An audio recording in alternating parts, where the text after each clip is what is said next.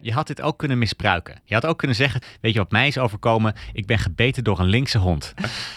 maar zo ben jij niet. Hè? Je, je houdt het gewoon eerlijk. Ik zeg het, ik ben gewoon een heel redelijk persoon, Lars.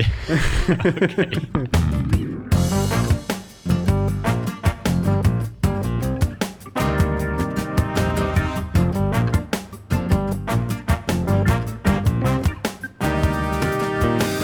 bij de Communicado's, aflevering nummer 28. En we hebben weer een hele leuke show voor je voorbereid. In deze aflevering gaan we het hebben over de beste en slechtste verkiezingsslogans bij de gemeenteraadsverkiezingen. Dan is het democratisch om partijen bij voorbaat uit te sluiten. En wie kent ze niet, de dikke dames van de Dove-reclame. Is body positivity niet gewoon een cynische manier om je product te verkopen? Vergeet je niet te abonneren en te recenseren als je dit een leuke podcast vindt, want dat stellen we enorm op prijs. Oké, laten we direct uh, beginnen. Uh, de campagneteams hebben er heel veel tijd aan besteed. De slogans die te zien zijn op posters, op flyers, in brieven die de campagnes uh, versturen. Het is een ja. korte zin die de kern van jouw partij weergeeft. We gaan eens kijken naar wat de allerbeste zijn bij de komende gemeenteraadsverkiezingen die deze week zijn. En ook natuurlijk de allerslechtste. Even om te beginnen, Lars. wat maakt voor jou een goede politieke slogan? Volgens mij moet die vooral ook lekker kort zijn. wat ik heel veel zie is, je ziet nu in de hele gemeente zie je van die uh, grote borden staan waar dan 16 posters uh, naast elkaar staan. En het valt me op dat die posters best klein op die borden staan.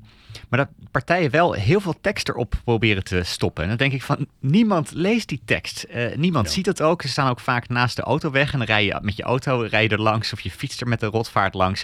Je leest het helemaal niet. Dus volgens mij moet het gewoon lekker kort zijn. Ik had een uh, voorbeeld daarvan, want ik uh, zag dat het CDA Utrecht, die heeft uh, als slogan op de poster staan, stem 14, 15 of 16 maart op het CDA voor een stad op mensenmaat. Een hele lap tekst. En het punt is ja. natuurlijk, als je dat gewoon ziet op een hele grote poster, waar, waar ook twintig andere posters op staan, dan valt het gewoon weg. Dus dat is niet zo verstandig inderdaad. Kort en bondig is wel echt absoluut uh, uh, belangrijk, ja. ja. Ik, ik, denk, ik denk verder van een van de, van de uitdagingen... wat het anders maakt dan van een slogan van een product... is dat een productslogan, dus voor, voor iets wat je kan kopen... iets wat je kan uh, eten of drinken bijvoorbeeld... dat is vaak iets wat de eigenschappen van dat product benadrukt. Hè? Dus Heerlijk Helder Heineken is een heel goed voorbeeld van een slogan... dat benadrukt dat het lekker bier is en dat het helder bier is. Maar een, een slogan voor een politieke partij... dat moet vaak een waarde bevatten. Dus, dus eigenlijk gewoon de kern van waar die partij voor staat, zoals solidariteit of zelfredzaamheid, verantwoordelijkheid, betrouwbaarheid, patriotisme, uh, bij wijze van spreken. Dat zijn de dingen die goed daar tot uiting moeten ja. komen. Het moet een emotie oproepen. Je moet die poster zien en denken: yes, ja, daar sta ik voor. Ja, precies, exact ja. ja. En dan moet het dus aan de ene kant breed genoeg zijn dat alles gedekt is, het hele partijprogramma, inclusief onverwachte ontwikkelingen. Dus een te specifieke slogan kan ook weer problemen opleveren. Want ja, als er dan ineens andere thema's in de verkiezingsstrijd centraal staan, dan heb je gewoon een groot probleem. Dus als jouw slogan is betaalbaar wonen voor iedereen, ja, dan heb je een probleem als er ineens een oorlog is in Oekraïne en het totale sentiment in het land verandert en mensen dan weer op een andere manier naar de issues uh, kijken. Dus je ja. moet vaag zijn en tegelijkertijd toch voldoende concreet zijn. Dat dat is best wel lastig en het is moeilijk voor partijen om de juiste balans te vinden. Ja, doe me denken aan een onderzoek van Richard Weaver dat ik een keer tegenkwam. Die zei van, uh, je moet bij dit soort dingen moet je kiezen voor charismatische termen. En wat bedoelt hij daarmee? Je moet een term hebben die je niet direct kan duiden, waar, waar, waar niemand direct precies van weet wat het is, maar waar iedereen een goed gevoel bij heeft. Uh, ja. Dus vrijheid. Uh, iedereen definieert anders wat vrijheid betekent, maar het heeft voor iedereen een positief imago. Bij de verkiezingscampagne van Obama, waar we beide in meewerkten in 2008, zag je natuurlijk ook hope en change. Ja. Fantastisch, maar wat het precies betekent, dat, dat staat natuurlijk niet op die poster. Je ziet die slogan staan op posters, zoals we al zeiden, flyers natuurlijk ook, maar ook op uh, brieven bijvoorbeeld. Uh, we gaan zo dadelijk eens even de partijen langs om te kijken van wat voor slogans ze allemaal hebben en wat we daarvan vinden. Uh, maar even, jou viel ook het op aan, een van die brieven die, die, die langs zag komen. Ja, alle partijen die claimen dan zo'n pagina in de krant en dan zetten ze een brief erin, een brief aan de kiezer. En ik kwam een brief tegen van de VVD in Rotterdam, van Vincent Karremans. Ik, de Rotterdamse Kaag. VVD, zoals ze zelf zeggen. Ja, precies. Niet, niet zomaar de gebruik in alle terminologie. ja, maar ook van de ChristenUnie. Eigenlijk al die partijen die schrijven tegenwoordig ja. een brief. En het aardige van die brieven is, ze zijn allemaal hetzelfde. Ze zijn geschreven door speechwriters die volgens mij geen zinnen kunnen formuleren die langer zijn dan vier woorden. Dus elke zin is of één, of twee, of drie, of vier woorden. Dan krijg je ook in die, in die VVD-brief bijvoorbeeld, het moet beter, veiliger, in Noord en Zuid. Voor jong en oud, voor man en vrouw zeker zij daartussenin. het, het doet me een beetje denken aan de eh, speeches van Alexander Pechtold vroeger. Want zijn speechwriter had kennelijk ook een voorkeur voor allemaal korte zinnetjes. Maar het is zo staccato, het is zo onrustig. Durf af en toe ook eens een lange zin te gebruiken. Dat leest zoveel lekkerder. Ja, ja, zeker ja. ja. Ja, ook bij de slogans uh, gaan we zien, er zit heel veel staccato taal. En je ziet een paar stijlfiguren langskomen, drie slagen en contrasten. Het zijn een beetje de bouwstenen van uh, politieke communicatie vaak. Dus je ziet ze in speeches als claptraps vaak voorbij komen. Maar je ziet ze ook in slogans en in brieven inderdaad heel veel voorbij komen.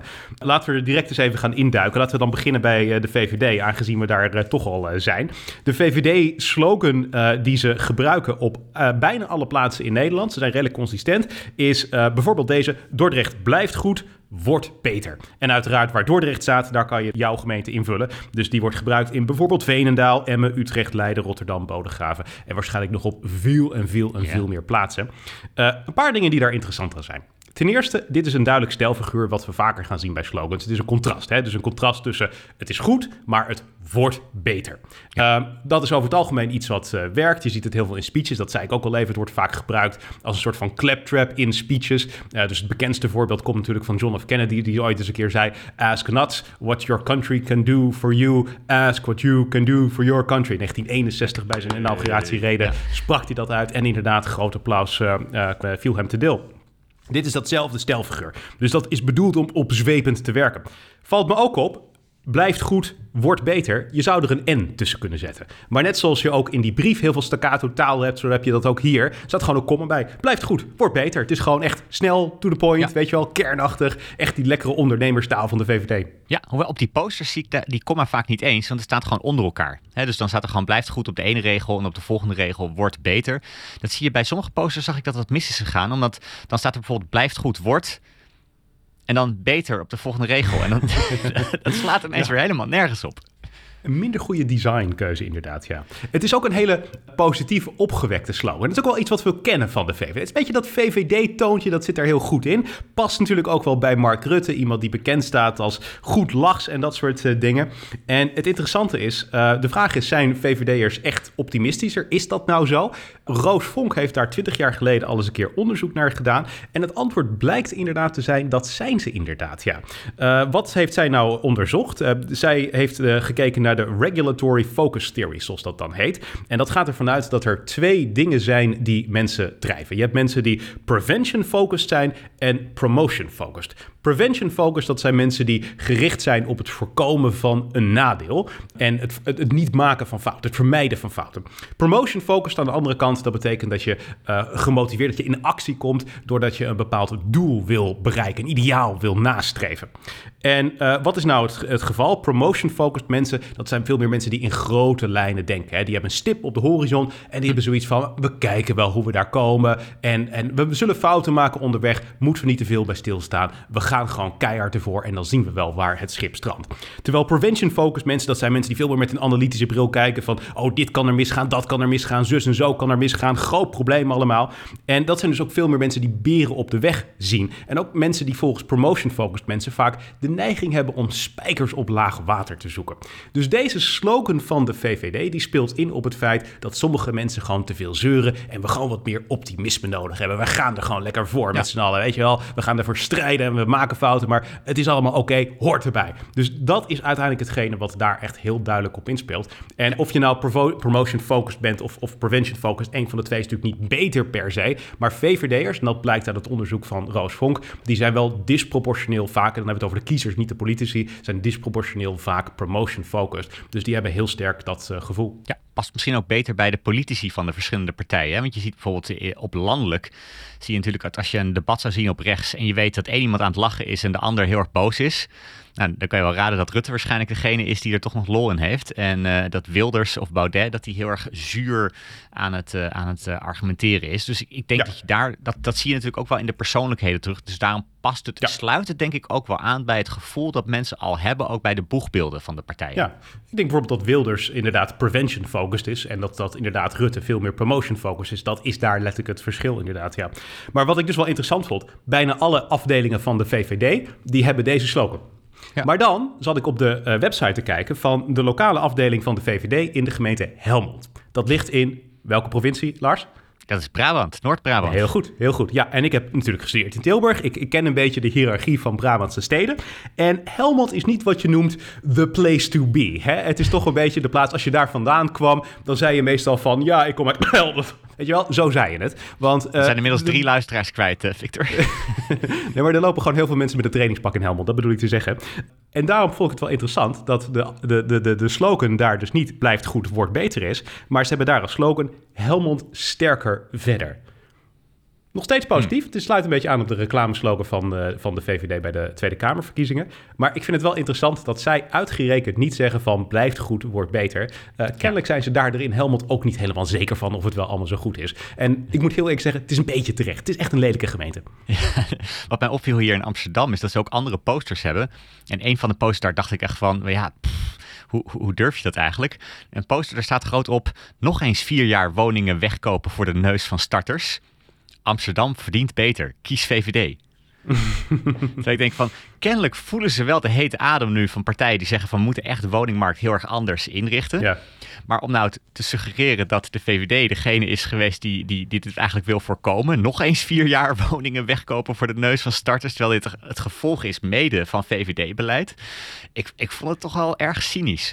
Eh. Ja, ja, ja, zeker. Ja. Maar goed, het was nog niet zo cynisch als uh, de VVD in Hellendoorn. Want die hebben het wel heel erg bond gemaakt. Die dachten ook van, we gaan weer posters met die prikkelende spreuken erop zetten. Dat is iets wat de VVD in eerdere campagnes uh, heeft gedaan. En ze hebben dat in Hellendoorn uh, weer verder gezet. En ze hebben op hun poster gezet, een uitkering is een lekkere hangmat. En dat is iets wat heel veel commotie heeft opgeleverd. Veel mensen hebben dat begrijpelijkerwijs zeer hard bekritiseerd. De landelijke VVD heeft er ook afstand van genomen. Ze hebben zelf ook uiteindelijk besloten om deze posters maar weg te halen. Dus dat is wat je noemt een eh, klein campagnefoutje daar die ze hebben gemaakt. Ja, wat ik niet snap is, je hebt toch bij zo'n uh, campagne, heb je toch wel een landelijke coördinator waar je normaal gesproken dat soort posters of even voorlegt of als je twijfelt, is dit wel zo'n handige poster, dat, dat iemand landelijk even meekijkt of zo. Want de, de hele VVD heeft er natuurlijk wel last van als één gemeente een domme poster ophangt. Zeker, ja. Dat is wel een probleem. Tegelijkertijd, het zijn natuurlijk wel gewoon echt aparte afdelingen die hun eigen gang daarin kunnen nemen. En dat is ergens ook natuurlijk goed, hè. Want in elke gemeente spelen ook weer andere issues. Dus je moet je ook op een andere manier kunnen profileren. We gaan heel veel slogans zien en we zien ook dat er wel echt uh, interessante verschillen zijn tussen de gemeentes uh, de onderling. Maar een lokale afdeling, ja, die, die, die kan in principe daar zijn eigen gang in kiezen. Maar ik denk dat ze in Hellendoorn daar de verkeerde keuze hebben gemaakt. Want dit is niet goed voor hun, dit is niet goed voor de VVD.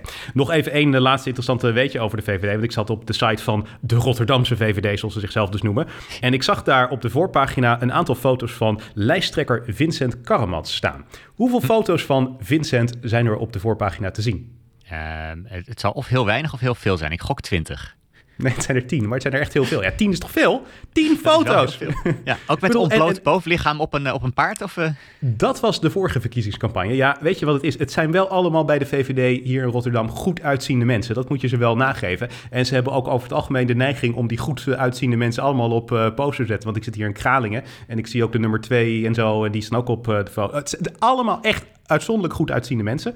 Uh, maar op uh, de homepage uh, zetten ze echt vol in op Vincent Karimans. Want er zijn nul andere kandidaten te zien en dus tien keer Vincent. Maar goed, oké, dat is de VVD. CDA. Interessant daar, want die hebben ook een hele duidelijke keuze gemaakt. Er is wat je noemt een bepaalde trend te ontdekken in de slogans van het CDA. Bijvoorbeeld in Papendrecht is het samen voor Papendrecht. In Den Bosch is het samen aan de slag. In Putten is het samenwerken aan Putten. In Rijmerswaal is het samen sterk. In Almere is het samen bereik je meer. In Emmen is het samen de gemeente nog mooier en nog beter maken. Is wat lang, maar je herkent een bepaald thema hierin. Het woord samen komt er altijd in terug. Dat lijkt een beetje op de waarde te zitten van gemeenschapszin. Hè? Dat is wat het CDA wil uitstralen. Ze proberen daar hetzelfde te doen als wat een aantal jaar geleden de, de, de PvdA wilde doen met het woord eerlijk te claimen. Uh, dat, dat, dat probeerden zij ook toen in allerlei slogans, ja. allerlei taal van Wouter Bos destijds terug te laten komen. Ik, ik weet niet of het uh, uh, echt effectief is. Ik weet ook niet of de Partij van de Arbeid er destijds in is geslaagd. Maar jij noemde al even het voorbeeld van waar het wel in is geslaagd. Want Obama gebruikte in 2008 natuurlijk change. Change we can believe in en later ja. change we need. En dat woord werd echt wel aan hem gekoppeld. Zo sterk zelfs dat als zijn tegenstanders het woord gebruikten, dat mensen toch dachten aan Obama. Dus dat was echt onderdeel geworden van zijn merk. Dus dat probeert het CDA hier ook te doen. Maar daar zijn ze iets minder goed in uh, geslaagd. Overigens uh, vind ik het wel opvallend. Ik zat ook even op de site te kijken van het uh, CDA A en Hunze. Waarom Dus dat, kijk eh, jij daar, Victor? Echt serieus? Ja, nee, ja, ik doe onderzoek eh, hier, eh, Lars. Ik heb me goed voorbereid op deze aflevering. CDA, A en Hunze, welke gemeente is dat? Of welke provincie is dat, Lars? Geen idee eigenlijk. Dat is Drenthe. Ja, Oh, ja. toch nog een klein beetje topografische kennis die je er maar even gratis bij krijgt in deze aflevering. Maar wist je dit voordat je het opzocht? Of, ja, ik geloof er echt helemaal niks van. maar de slogan is daar... Samenleven doe je niet alleen. En dat vind ik smokkelen. Ja. Want ja, er zit samen in, maar samenleven is natuurlijk één woord. En dat is wel echt een ander woord. Dus ja, ik moet je zeggen, qua branding net weer niet helemaal ideaal. Dus eh, nou ja, goed. Doe een beetje eh, denken eh, aan die corona-slogans. Hè? Van alleen samen krijgen we corona onder Ja. controle en zo. En daar is natuurlijk samen ook al een beetje voor gebruikt. Dus ik kan me voorstellen dat het CDA eigenlijk helemaal niet blij was met die corona-slogan. Want jarenlang was samen was het woord van het CDA. Iedereen dacht samen CDA, samen CDA, CDA, samen. En ineens Ja. komt er corona en ze zijn een magische woord kwijtgeraakt. Want nu denkt iedereen bij samen ineens aan de corona-slogan. Ja, zeker. Ja. ja, zeker. Dat is absoluut het geval. Dus eh, nou ja, goed, dat eh, is dus het CDA. We hebben ook nog D66 natuurlijk. En de slogan daar is eh, laat iedereen vrij, maar niemand vallen. Of zoals het in het spotje van D66 dat veelvuldig op televisie te zien is, wordt gezegd. We leven in een land waar iedereen vrij is. maar niemand laten vallen. Dankjewel Sigrid Kaag. Inderdaad, niemand laten vallen. En die slogan hebben nou ze met dat een... die zin er afmaken voor je? Of eh, wat was hier de bedoeling van, Victor? Hij is erin gemonteerd. Ik heb het eh, fragment uit het spotje geknipt. Oh, Maar dit kan jij niet horen. Dus eh, je hebt dit hele moment naar de knoppen geholpen. Het was de bedoeling dat je gewoon even je mond hield. dat moet je van tevoren zeggen. Ja, dat was ik vergeten. Hè, hè? Oké. Mooi. Hele moment naar de knoppen. Goed, maar wat is nou het geval? D66 heeft een slogan, duidelijke contrast weer, dus dat zien we daar ook weer terugkomen. Eh, ik vind het ook nog wel een aardige slogan. Ik, ik weet dat jij er anders over denkt, maar wat ik er wel aardig aan vind, het is een slogan die aan de ene kant zegt van, we laten iedereen vrij. Met andere woorden, we willen niet, eh, we, we geloven wel in marktdenken. Hè? We gaan niet hele hoge belastingen voor onze doelgroep, die voornamelijk uit consultants bestaat, eh, heffen. Dus dat zit er heel erg sterk in. En tegelijkertijd, maar we laten niemand vallen. Met andere woorden, we zijn een partij van inclusie en diversiteit. Dus Ja. die twee vleugels zitten er op zich wel eh, goed in. Maar wat opvallend is, is dat het echt enorm consistent is toegepast. Want ik kon echt lange tijd geen enkele gemeente vinden waar die niet uiteindelijk is gebruikt. En ik ben er echt heel veel af geweest. Ik ben op de sites geweest van eh, D66 in Rotterdam, Amsterdam, Eindhoven, Eersel, Leeuwarden, Vlissingen, Harderwijk, Leudal, Maastricht, Oosterhout, Lelystad, Almelo, Utrecht, Texel, Hattem, Kocheland, Oldambt, Roermond, Eersel, IJsselstein, Groningen, Almere en Maasluis. En toen, en toen, na een half uur zoeken, kwam ik op de site van D66 Waalre. En daar is de slogan oog voor iedereen. Oké, Dus daar wijken ze er vanaf. we zien je staan. Ja. Maar goed, dat is dus de, een van de weinige plaatsen. Ze zijn echt mega consistent qua branding. En zeker natuurlijk als je landelijke spotjes ook eh, laat horen met eh, die eh, slogan erin. Dan, ja, dan is dat op zich wel goed om dat gewoon allemaal consistent te hanteren. Op internet wordt al gezegd van eigenlijk zou de slogan moeten zijn... laat iedereen vrij en Rutte vallen. Want dat had volgens die mensen Kaag moeten laten doen bij Rutte vorig jaar... in dat legendarische debat in de Tweede Kamer. Maar goed, dat is uiteraard de slogan niet. Vorig jaar bij de Tweede Kamerverkiezingen was de slogan... stem voor nieuw leiderschap. En ja, dat zit natuurlijk heel erg vast aan Sigrid Kaag zelf. Dat Ja, past dat niet zo goed bij de gemeenteraadsverkiezingen. Dus logisch dat ze dat eh, gewijzigd eh, hebben. Ik vind hem best lang en ik weet ook niet of ik hem eh, direct een gevoel vind oproepen. Hè. La- eh, vrij, vrijlaten, niemand laten vallen. Ik, ik- maar misschien is dat ook wel de D66-achterban die juist meer een, in, in inhoudelijke slogan wil. Hè, dan direct een, een krachtige emotie die dat oproept. Wat ik zelf Ja. interessant vond, is dit is natuurlijk een stelfiguur. Zeker. Welke? Eh, ik, ik zei volgens mij al het contrast, maar jij bedoelt op, iets- jij bedoelt op iets anders? Het is een zuigma. Oh, oké. Dat moet je even uitleggen, want eh, ik geloof niet dat ik die ken. Niet. Eh, ik, nou, ik had vroeger een, eh, een Latijnlerares. Lisette van Heringen, of Lisette Heringen. En die Het is met jammer het- dat je haar naam fout hebt. Ja, dat monteren we Ja, nog even goed, zeg maar. Van knippen we weg. Ja, oké. Maar Lisette, Lisette in ieder geval. Ja, Lisette, fantastische eh, lerares. Eh, en die ik kon met grote bevlogenheid kon die ook stelfiguren uitleggen in, in de Latijnse teksten natuurlijk. Uh-huh. En dit is een, een speling eigenlijk, want vrijlaten, dat is een werkwoord. Mhm. Maar laten vallen, daar heeft laten een andere grammaticale vorm eigenlijk, eh, een andere functie in de zin dan, eh, daar is het een hulpwerkwoord geworden in plaats van onderdeel van vrijlaten. En dat wordt ook wel een zuigma genoemd. Eh, zij gaf als voorbeeld ook dat er een veerboot was waar dan werd gezegd, hier zet men koffie en over. Want overzetten en koffiezetten, ja, dat, dat, Ja. het, het schuurt een beetje, het is niet hetzelfde. En mede Ja. daardoor wordt ook gezegd bijvoorbeeld, ik, volgens mij zag ik het bij de taalunie, werd gezegd, dat, valt het extra op. Hè? Laat iedereen vrij, vrij laten, Ja. maar laat niemand vallen. Dat, dat valt dan toch extra op. Oh ja, nou, interessant inderdaad, ja. ja. Oké, dan hebben we nog de P van de A natuurlijk. En eh, waar er bij D66, waar eigenlijk, ik moet je heel eerlijk zeggen, ik denk wel dat D66, eh, we moeten ze wel een klein beetje de, credits geven voor die consistentie. En marketing heeft wel veel baat bij consistentie, dus complimenten aan het eh, partijbureau voor, van D66. Jongens, uitstekend gedaan, hartstikke goed. Ja. Bij de P van de A kunnen ze daar nog wat van leren, want daar is echt volstrekt geen consistentie. Ik heb er even een paar op een rijtje gezet. In Amsterdam is het strijden voor de ziel van de stad. In Utrecht is het de stad voor iedereen. In Rotterdam kansen voor Rotterdam. In Den Haag voor iedereen. Eindhoven groei mee. Roosendaal thuis in Roosendaal. En Sliedrecht samen werkt beter. Nou ja, echt geen enkele lijn in te ontdekken. Elke afdeling doet gewoon wat hij zelf wil. Ik vind die Amsterdamse wel interessant. Want eh, strijden voor de ziel van de stad. Dat is natuurlijk iets wat duidelijk inspiratie op heeft gedaan uit eh, Amerika. Biden heeft eh, bij zijn verkiezingen in 2020 natuurlijk heel vaak gezegd. We're in a battle for the soul of the nation. Dus die Ja. tekst hebben ze letterlijk vertaald. En dat is de slogan die ze nu gebruiken. Het doet me ook een beetje denken aan Jesse Klaver. Die ooit eens een keer dacht van... Oh, yes we can, zegt Obama. Nou, daar kan ik van maken. Het kan wel. En die begon ineens het kan wel in speeches te gebruiken. Eh, het, het, het- het- ik vind het de tegen plagiaat aanzitten. Iets meer originaliteit zou ik wel eh, leuk vinden eigenlijk. Ja, maar volgens mij hebben ze ook in Amsterdam ook hele verschillende posters hoor. Want ze hebben ook verschillende kreten daar op eh, posters staan. Dus misschien het verkiezingsprogramma heet dan Strijden voor de Ziel van de Stad. Maar heel eerlijk, die, die ben ik hier nog niet tegengekomen. Dus misschien heb ik niet goed gekeken. Dat is een ding inderdaad, want sommige partijen die hebben niet één slogan, maar die gebruiken inderdaad op allerlei verschillende uitingen verschillende dingen. Dus ik heb soms maar degene gekozen die ik eh, daar eh, als eerste tegenkwam. Eh, dat, ze zijn gewoon niet super consistent, ze hebben niet heel erg ingezet op een centrale slogan en dat eh, is kennelijk daar de, de, de lijn. Maar goed, dat is de Partij van de Arbeid. Dan hebben we ook nog natuurlijk lokale partijen. En ik vind, die, die zijn de grootste. hè. Vaak zijn, is dat het grootste blok, grappig genoeg. Dus Ja. daar moeten we ook wel even aandacht aan besteden. Leefbaar Rotterdam, die heeft wel een grappige slogan. Vertel. Eh, gewoon voor Rotterdam. Dat is de slogan. Je moet het ook zo uitspreken, denk ik. Hè? Eh, gewoon. Eh, Gewoon Niks bijzonders. Ja. Ja, maar goed, dan hebben we ook nog Beter voor Dort. Samen maken we Dordrecht beter, de grootste partij daar. Eh, gemeentebelang in Deventer heeft als eh, slogan een drieslag. Gaan we zo dadelijk nog vaker zien. Verantwoord, daadkrachtig en lokaal. Burgerbelangen Brunsum Lijst Palmen. Dat vind ik een van de langste namen voor een partij. Die Ja. heeft wel een hele korte slogan. De Burger Centraal. Ehm, dan hebben we kernachtige Druten. Voor alle, hoofdletters, kernen. Ja, ja. Wat vind jij van het woord kernen? Ik, want ze bedoelen daarmee natuurlijk gewoon dorpjes. Ik vind kernen ambtenaartaal. Ja. Ja, ik, ik denk, maar dat heb ik bij burger trouwens ook al. Ik, ik, ik snap niet dat je op een poster de burger centraal zet. Want ik vergelijk het wel eens. Stel dat jij gaat eh, afspreken met, eh, met iemand. Je bent een politicus en je vertelt daar later over. En je zegt tegen een kiezer: van nou, ik sprak dus laatst een burger.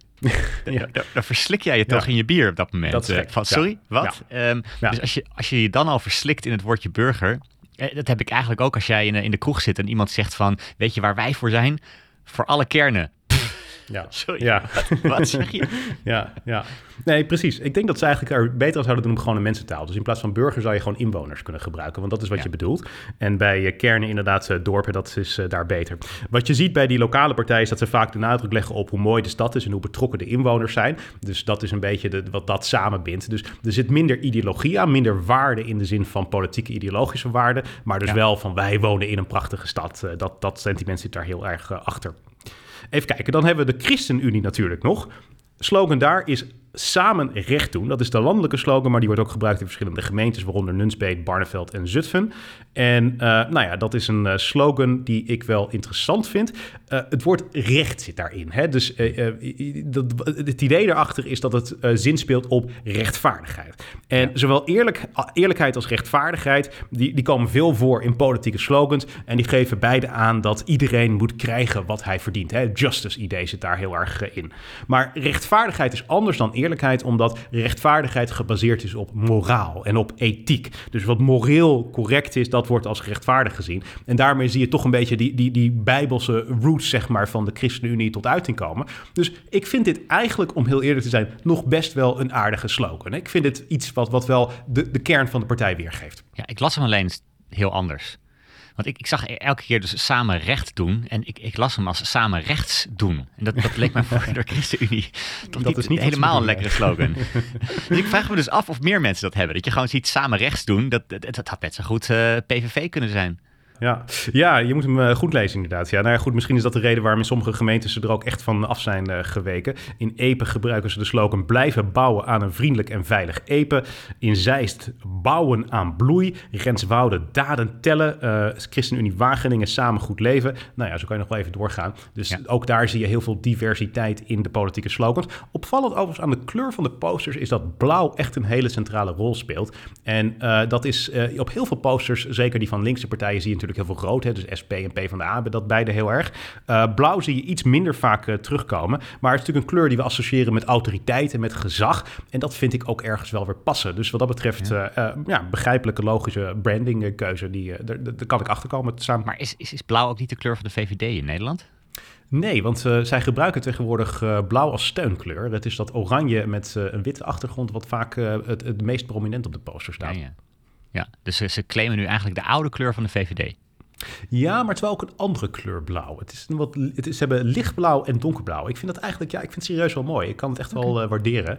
Um, ik vind het op zich wel een aardige vormgeving. Maar goed, ja. Maar goed, Steek die maar in je zak, uh, vormgever van de ChristenUnie. Approved by Victor. Ja, ja, precies, zo gaat het. Oké, okay, dan hebben we nog GroenLinks. Even kijken, want het is wel interessant. GroenLinks, uh, die, uh, daar kan je ook overigens in de meeste uh, gemeentes kan je posters bestellen. Dus die kan je dan achter je eigen raam plakken. In Rotterdam is de slogan die daarop staat: Samen eerlijk duurzaam. In Amsterdam is die menselijk eerlijk duurzaam. In Nijmegen is die duurzaam eerlijk vrij. En in Leiden is die groen eerlijk levendig. Oké, okay, dus je hebt eigenlijk gewoon tien woorden geselecteerd die je in willekeurige, willekeurige volgorde op een poster kan zetten. Ja, Kies maar welk woord. altijd in het midden. Ja, exact. Ja, ja dat is ja. het. Ja, dat ik, is ik inderdaad wel opvallend, ja. Ja, eerlijk Ja. is altijd... Maar meestal zet je het minst belangrijke woord toch in het midden. Want je wil beginnen met iets krachtigs en eindigen met iets krachtigs. Ja, zou je kunnen zeggen inderdaad, ja. ja zou je Misschien is eerlijk ook niet echt een woord wat mensen direct met GroenLinks associëren. Dus ze willen het wel erin hebben, maar dan niet in het begin of het einde.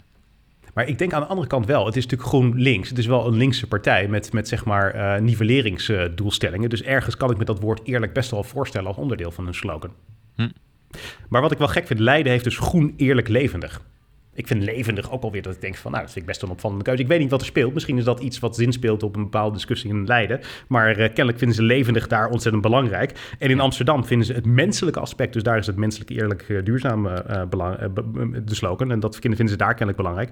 Maar goed, het is ook een drieslag, natuurlijk een klassiek stijlfiguur. Dus samen met het contrast zijn dat de twee bouwstenen van politieke communicatie. Ja. drieslag, bekendste voorbeeld is natuurlijk van Tony Blair, die ooit eens een keer zei, dames en heren, I have three priorities, education, education and education. En daar werd het in een speech gebruikt. En dat is een, een, een zeg maar een, een, zin die ook door uh, Pechtold in Nederland is uh, letterlijk gewoon overgenomen. Uh, en, en Rutte heeft hem ook meerdere, meerdere varianten, meerdere vormen gebruikt. Door te zeggen van ik heb drie prioriteiten, banen, banen, banen. Ja. Maar goed, dat is gewoon een klassieke drieslag. Ik kwam, ik zag, ik overwon is daar natuurlijk ook een voorbeeld van. Dus het komt uit de klassieke retorica 2000 jaar geleden. Cicero beschreef het al. Ja, weet je van wie Tony Blair die one-liner gestolen heeft? Van education, education, education? Nee? nee? Van Lenin. Die zei dat ook al. Is dat zo, ja? Ja, zeker. Echt letterlijk uh, ja. onderwijs, onderwijs. Ja, okay. ik, ik, was een keer bij een training, toen zei ik van uh, Tony Blair, die zei dit. Dus toen werd ik gecorrigeerd. Nou, dit heeft hij gewoon gejat van Lenin, die zei dat ook al. Okay. Oh, wat grappig. Ja, oké. Okay. Ja, het is wel uh, grappig om te weten inderdaad, ja. ja. Oké, okay, maar goed, dat was dus inderdaad uh, uh, groen uh, links. ik heb ook even de rechtse partijen erbij gezocht, want die hebben ook de nodige slogans. Ja. Um, even om te beginnen bij Forum voor Democratie. Die doen in 50 gemeenten mee. En die hebben op de poster staan... Femke weg, uitroepteken, auto's en bomen terug. En het hele opvallende daarvan is dat uh, die poster hangt in Amsterdam. En dat vind ik op zich logisch, want Femke Halsema is daar burgemeester. Ik kan me ja. voorstellen dat zij minder blij zijn met haar. Maar opvallend genoeg hangt die poster ook in Utrecht en Den Haag. En toen begon ik me toch wel af te vragen... wat heeft de gemeenteraad van Utrecht te zeggen over wie de burgemeester is van Amsterdam? Ik vind dit gek. Ja, het is natuurlijk heel gek. Ja. Dat is gek, ja. ja. Het, is, het geeft een beetje aan dat uh, de campagne echt uh, uh, niet heel goed georganiseerd is. Ze hebben niet echt slogans, moet ik zeggen. Ik heb websites van een aantal afdelingen bekeken. En ehm, ja, het, het, het, het, komt op mij een beetje gedateerd over. Want ze leggen nog steeds een grote nadruk op, het, op de QR-samenleving en de coronaregels. Ja, daarvan denk ik wel, dat is wel iets wat heel erg januari 2022 aanvoelt en niet meer per se maart 2022. De samenleving in dat opzicht is uh, veel veranderd. Het zou mij niet verbazen als uh, uh, Forum bij deze verkiezingen gewoon niet zo heel goed uit de verf komt, want ze lijken niet een heel sterk plan te hebben. Wat, wat, mij ook verbaast is dat, als ik jou nou zou vertellen, hè, voordat je dit overzicht had gezien, van er is één partij die gaat de verkiezing in met een pleidooi voor meer bomen. Wel, welke partij zou je dan denken dat dat, dat, dat is? Dan zou ik zeker gedacht hebben dat is GroenLinks. Ja, maar er, er staat nu vol voor democratie. Auto's en bomen terug. ja. Ja. Hm. Het is, uh, ik, ik, vind het ook echt een hele gekke. Ik kan hem ook uh, totaal niet uh, plaatsen, inderdaad. vorig jaar bij de Tweede Kamerverkiezingen was de slogan van Forum voor Democratie trouwens Stem Nederland terug. En dat is een beetje à la Make America Great Again, maar wel op een eigen manier geformuleerd. Ja. Als conservatieve partij snap ik dat wel en vind ik dat op zich nog wel een slogan die ik ergens van begrijp. Dus volgens mij hadden ze er ook, als ze dan echt een slogan willen, hadden ze volgens mij die ook kunnen toepassen op de gemeentes. stem Amsterdam terug of stem Utrecht terug en noem het allemaal maar op waar ze nog Ja. meer zitten. Maar uh, ja, eigenlijk hebben ze dus niet echt een slogan. Uh, de PVV die doet mee in 30 gemeenten. En ik kan je vertellen, het, er zitten hele aardige mensen tussen, maar het zijn niet per se de beste sloganmakers. Ik heb er even een paar voor je op een rijtje gezet. Ik ben benieuwd hoe jij ernaar kijkt. In Ja. Pekela is de slogan: Uw vrijheid, uw mening, uw dorp, uw Pekelder PVV. Ja. Hm. En is het dan in een ander, ander lettertype? Want dan kan ik me nog voorstellen. Er staat uw vrijheid, uw mening, uw, dor- uw dorp heel groot. En dan heel klein eronder uw pekelder PVV. Nee, het is allemaal ongeveer eh, dezelfde grootte op de poster. Maar het is ook een, ja, het is natuurlijk een vierslag. Het is geen drieslag. Dat is eh, eigenlijk natuurlijk retorisch gezien al net wat eh, minder. Hij is ook wat lang natuurlijk. Maar eh, dus is het ook niet om te voorkomen dat sterkste. het wel heel erg een Hitler-sausje krijgt? Van ein Volk, ein Reich, ein Führer. Uw vrijheid, uw mening, uw dorp. Dat, dat, dat heeft toch een eh, licht fascistisch ondertoontje als je hem zo... eh, Echt waar? Meen je dat nou serieus? Ja, dat denk ik wel, ja. Oké, dat is echt een associatie die ik er totaal niet bij had. Dit, dit, dit, dit is een redelijk, maar uw vrijheid, uw mening, uw pekelder PVV, dat is een redelijk standaard eh, politieke slogan. Hij zou ook voor door een lokale afdeling van de Partij van de Arbeid gebruikt kunnen worden. ja. Maar goed, dit, dit is Pekela. We hebben ook nog Sittard, Geleen en Den Helder. Die hebben dezelfde slogan. Maak de PVV groot. Je doet het voor ons. Trump die zei in ieder geval, make America great again. Ja, Maar, maar Ja. je moet gewoon, ma- maak de PVV groot. ik vind dit eerlijk gezegd gewoon echt wel een kandidaat voor gewoon de slechtste slogan die ik eh, ooit in mijn leven heb gezien. Ik bedoel, de- partij is, is een middel, niet een doel op zich. Hè? En volgens mij is dat hetgene wat hier eh, misgaat. Ja. Ik vind dit gewoon niet verschrikkelijk motiverend. Ik ga naar de stembus omdat ik goede dingen wil doen voor mijn gemeente. Ja. En dat kan via misschien de PVV als dat je standpunt is. Maar het doel is niet om de PVV groot te maken. Dat is een middel. Nee. Zorg, dat zoveel mogelijk PVV'ers eh, een salaris krijgen bij de gemeente. Ja. precies, exact. Nou ja, in Maastricht heeft de PVV de slogan Veur us, dus dat is in het dialect. Nou, vond ik wel grappig op zich. En in Stichtse Vecht is het Stichtse, vlecht, Stichtse Vecht blijft van ons. En dat eh, lijkt een beetje op de Tweede Kamer eh, verkiezingsslogan van de PVV vorig jaar. Nederland weer van ons. Dan hebben we ook nog Ja 21. Die doet niet heel veel in gemeentes mee, volgens mij zelfs maar één. En dat is in Amsterdam. En daar is de slogan Amsterdam veilig en leefbaar. Ik denk dat die, eh, die snap ik wel. Ze proberen volgens mij een beetje mee te gaan op de golf van Leefbaar Rotterdam, denk ik. Dus leefbaar, dat, is, dat is wel echt een eh, positieve term geworden, denk ik, in Rotterdam. Van een, eh, een, een, een bestuurspartij die meedoet, ehm, die dingen voor Rotterdammers voor elkaar probeert te krijgen. Ja, de grootste partij natuurlijk in Rotterdam. Ik denk dat ze daarop mee proberen te liften. Ja, het zou wel kunnen inderdaad, ja. Ja, ja en natuurlijk Joost Eertmans van Ja21, die is ook natuurlijk eh, eh, eh, wat dat betreft een boegbeeld eh, geweest van eh, Leefbaar Rotterdam. Dus dat is ergens nog wel te verklaren. Eh, dan hebben we Volt, die doen mee in 10 gemeentes. En die hebben natuurlijk wel een uitdaging, want ja, je, moet, je bent Europees georiënteerd, maar dit zijn lokale verkiezingen. En dat hebben ze opgelost met de volgende slogan, die onder andere in Den Bosch, Enschede, Amsterdam en andere plaatsen wordt gebruikt. Denk Europees, doe lokaal. En in Rotterdam hebben ze daarvan gemaakt: Europees denken, Rotterdams doen.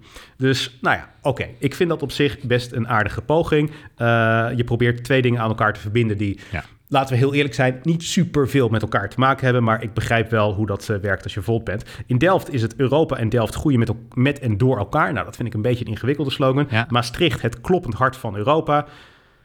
En in Arnhem, waarom de politiek van nu Volt nodig heeft. Ik vind het allemaal wel aardig, maar niet briljant. Ik vind de beste slogan van Volt eentje die er vorig jaar op de verkiezingsposters eh, stond. Het was niet geloof ik een officiële slogan, maar het stond dus wel op sommige posters.